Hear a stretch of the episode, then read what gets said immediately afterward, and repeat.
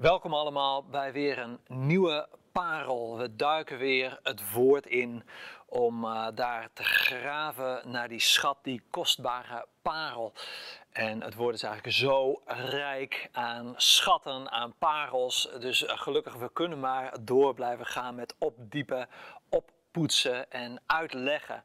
En vandaag wil ik samen met jullie kijken naar 2 Samuel 19, vers 1 tot 9. Daar waar David rouwt om zijn zoon Absalom. En het is de meest rauwe rouw die we eigenlijk bijna tegenkomen in de hele Bijbel. Het verdriet, het, het, het schurende, pijnlijke, naakte verdriet dat David laat zien. Het is confronterend en het is ja, rauw. Ik zal eerst iets schetsen over de achtergrond van dit verhaal. Hoe zijn we hier gekomen? En dan zal ik het met jullie lezen. En dan wil ik vanuit een aantal vragen samen met jullie de tekst behandelen. David is koning over Israël.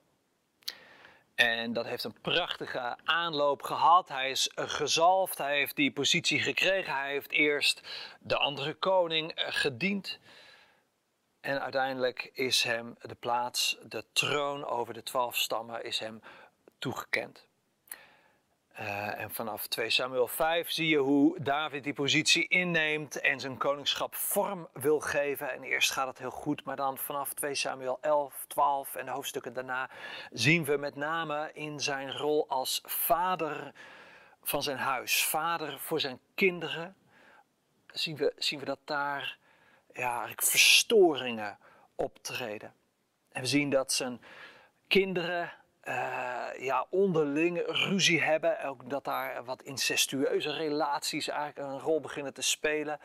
En in deze hoofdstukken, 2 Samuel 17, 18, 19, concentreren we ons met name op een van de zoons van David, Absalom.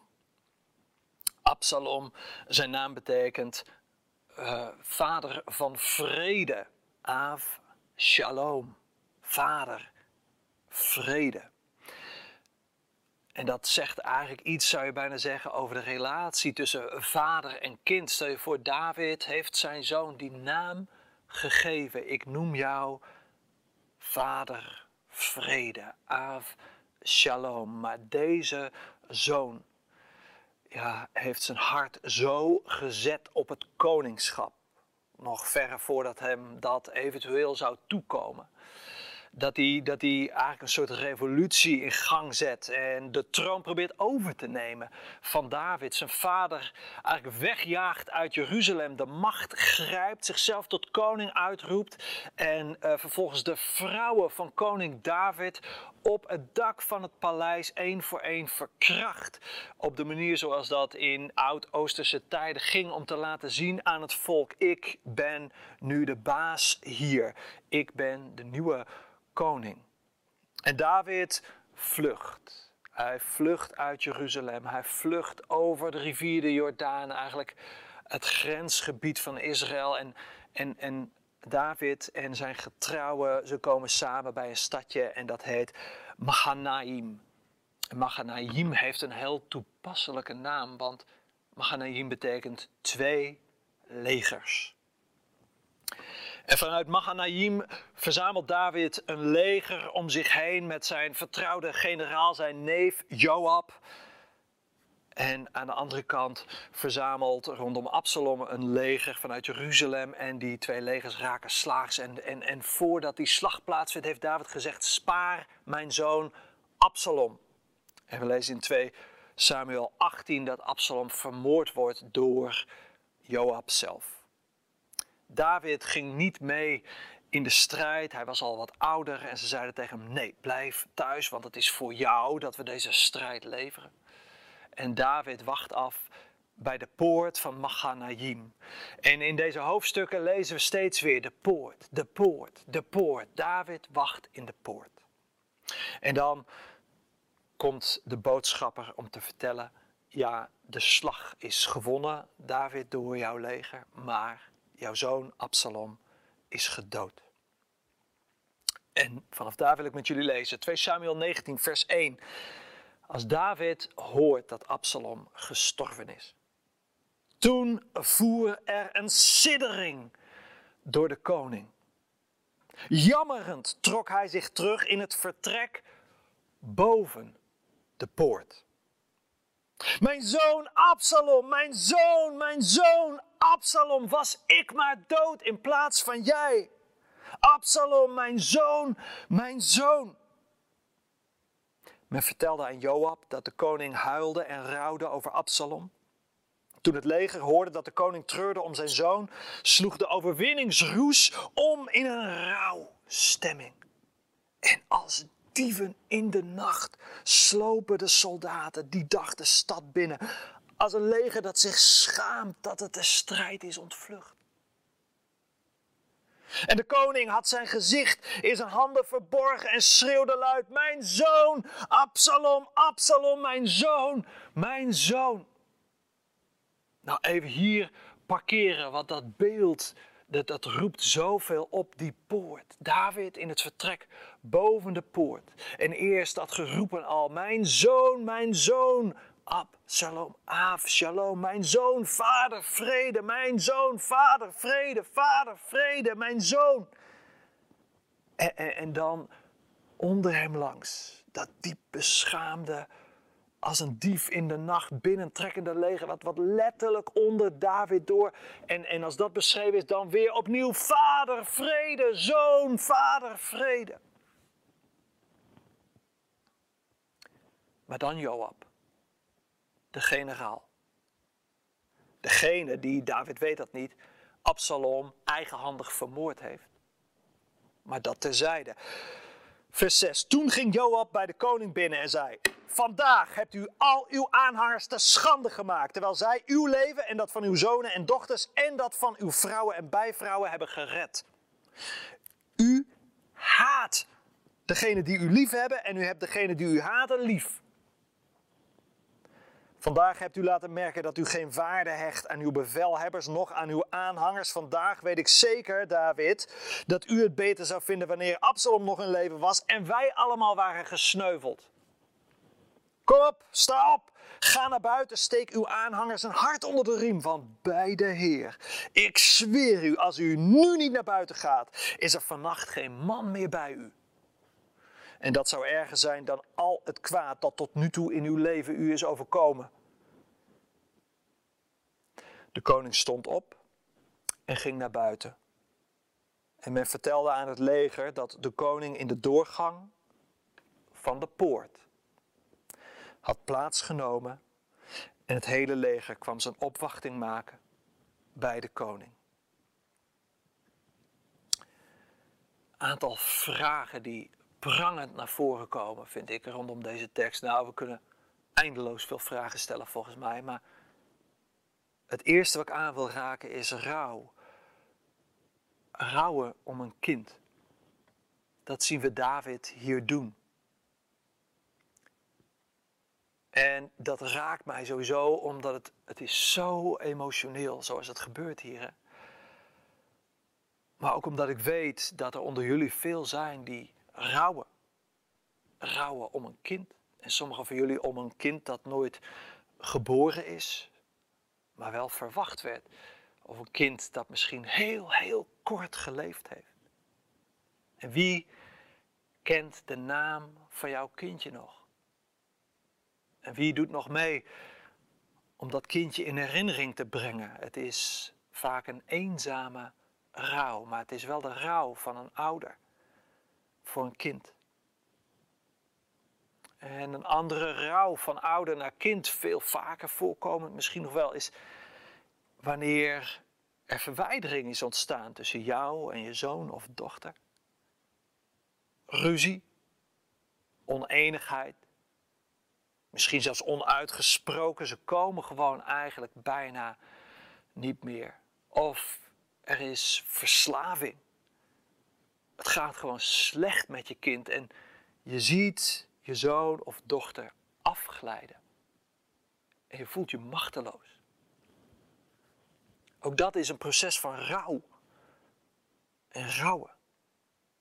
Een proces waarbij je misschien ook de vraag stelt: heb ik het wel goed gedaan? Confronterend en moeilijk misschien om met anderen over in gesprek te gaan. Eenzaam. En een andere vorm, zoals hier ook bij David, is dat jouw oudere al volwassen kind, waarmee je zoveel hebt doorgemaakt, sterft voordat jij sterft. Een bijna onvergelijkbaar groot verdriet. En we kijken naar David en hoe David reageert op dat verdriet, hoe hij zijn rouw beleeft. Emotioneel. Ook naar God. En ook in het openbaar. Hij geeft woorden, hij noemt de naam van zijn zoon. En dat doet mij denken aan een gedicht uit de Nederlandse literatuur van Neeltje Maria Min. Voor wie ik lief heb, wil ik heten. En de openingsregels van dat gedicht zijn: Mijn moeder is mijn naam vergeten, dementie misschien. En mijn dochter weet nog niet hoe ik heet. En deze dichteres voelt zich verloren in het niemandsland waarin nog moeder, nog dochter haar bij haar naam kan noemen. En het gedicht eindigt met de woorden: Noem mij, noem mij, roep mij aan. Noem mij bij mijn diepste naam, bevestig mijn bestaan voor wie ik lief heb, wil ik heten. Noem de naam.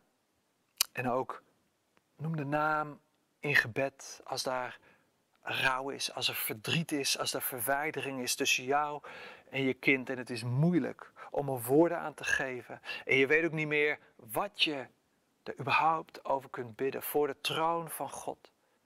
Noem die naam. En laat dat dan je gebed zijn. En een andere vraag die dit oproept, vanuit conflict misschien, kun je het goed maken met je kind of met je ouder? David zijn ongelofelijke verdriet is natuurlijk niet alleen het overlijden van zijn zoon, maar het is het overlijden van zijn zoon die hem naar het leven stond. Het is het, het definitieve besef, ik kan dit nooit meer goed maken.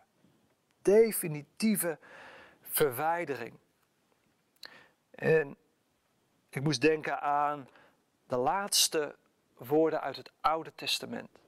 Malachi 3, vers 23 en 24. Waar de profeet zegt: Voordat de dag van de Heer aanbreekt, die groot en ontzagwekkend is, stuur ik jullie de profeet Elia. En hij zal ervoor zorgen dat ouders zich verzoenen met hun kinderen. En kinderen zich verzoenen met hun ouders. Anders zou ik het land volledig moeten vernietigen. Met andere woorden, het leven is onleefbaar, zonder toekomst, rijp voor de sloop. Als er alleen maar conflict tussen ouder en kind blijft bestaan. Zo groot, zo diep trekt ook God zich dat aan. Hij heeft verzoening bewerkt, bewerkstelligd. Hij heeft Elia gestuurd in de persoon van Johannes de Doper om de weg te bereiden voor Jezus. Een bediening ook van generaties weer aan elkaar verbinden. Verzoening. En leun daarin op Jezus. En geef in het zoeken naar herstel van relatie met je ouder of met je kind. Geef woorden aan jouw tekort. Want ja, we schieten allemaal tekort. En we proberen het te overbruggen door het goede te doen. Maar zoek in je eigen hart, wat, waar is dat misgegaan? Vraag het aan elkaar, zoek elkaar op. Leun op Jezus, degene die jou, ook met jouw zoon, dochter, vader, moeder wil verzoenen. En het derde, de vraag: kun jij ook als je in een periode van rouw zit, kun jij verantwoordelijkheid op je nemen? En dan even vanuit die woede van Joab. richting David. Wat ben je nou gek geworden?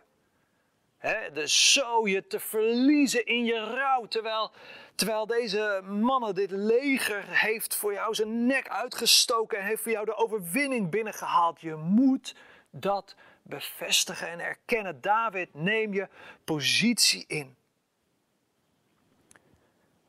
Passend rouwen en passend spreken. Er is een tijd van rouw. En er is een tijd van je verantwoordelijkheid op je nemen. En soms moet dat ook tegelijk kunnen. Misschien zit je in de rouw. En misschien heb je het gevoel, ik verdrink in mijn verdriet over de situatie waarin ik in zit. Maar God wil je uitnodigen om voorbij die rouw te kijken. En om jou te leren om ook passend te spreken. En op Vader, Zoon en Heilige Geest te leunen. En te durven staan. Om je heen te kijken. En je de vraag te stellen: waarvoor ben ik nog altijd verantwoordelijk? Wie mag ik geven vanuit datgene wat God mij heeft toevertrouwd? Passend rouwen, passend spreken, je positie innemen. En gewoon al deze onderwerpen overziend, denk ik uiteindelijk aan één refrein. Wat we leren van David en van Joab en van deze situatie. En dat is heilig je relaties. Heilig je relaties. Besef dat met name die ouder-kindrelatie, dat die een hele bijzondere positie heeft. En accepteer dat dat iets heiligs is. Iets apart gezets. En dan gun ik je dat je kunt zeggen over die ouder-kindrelatie. Absalom. Vader, vrede. Moeder, vrede. Zoon, vrede. Dochter, vrede. Amen.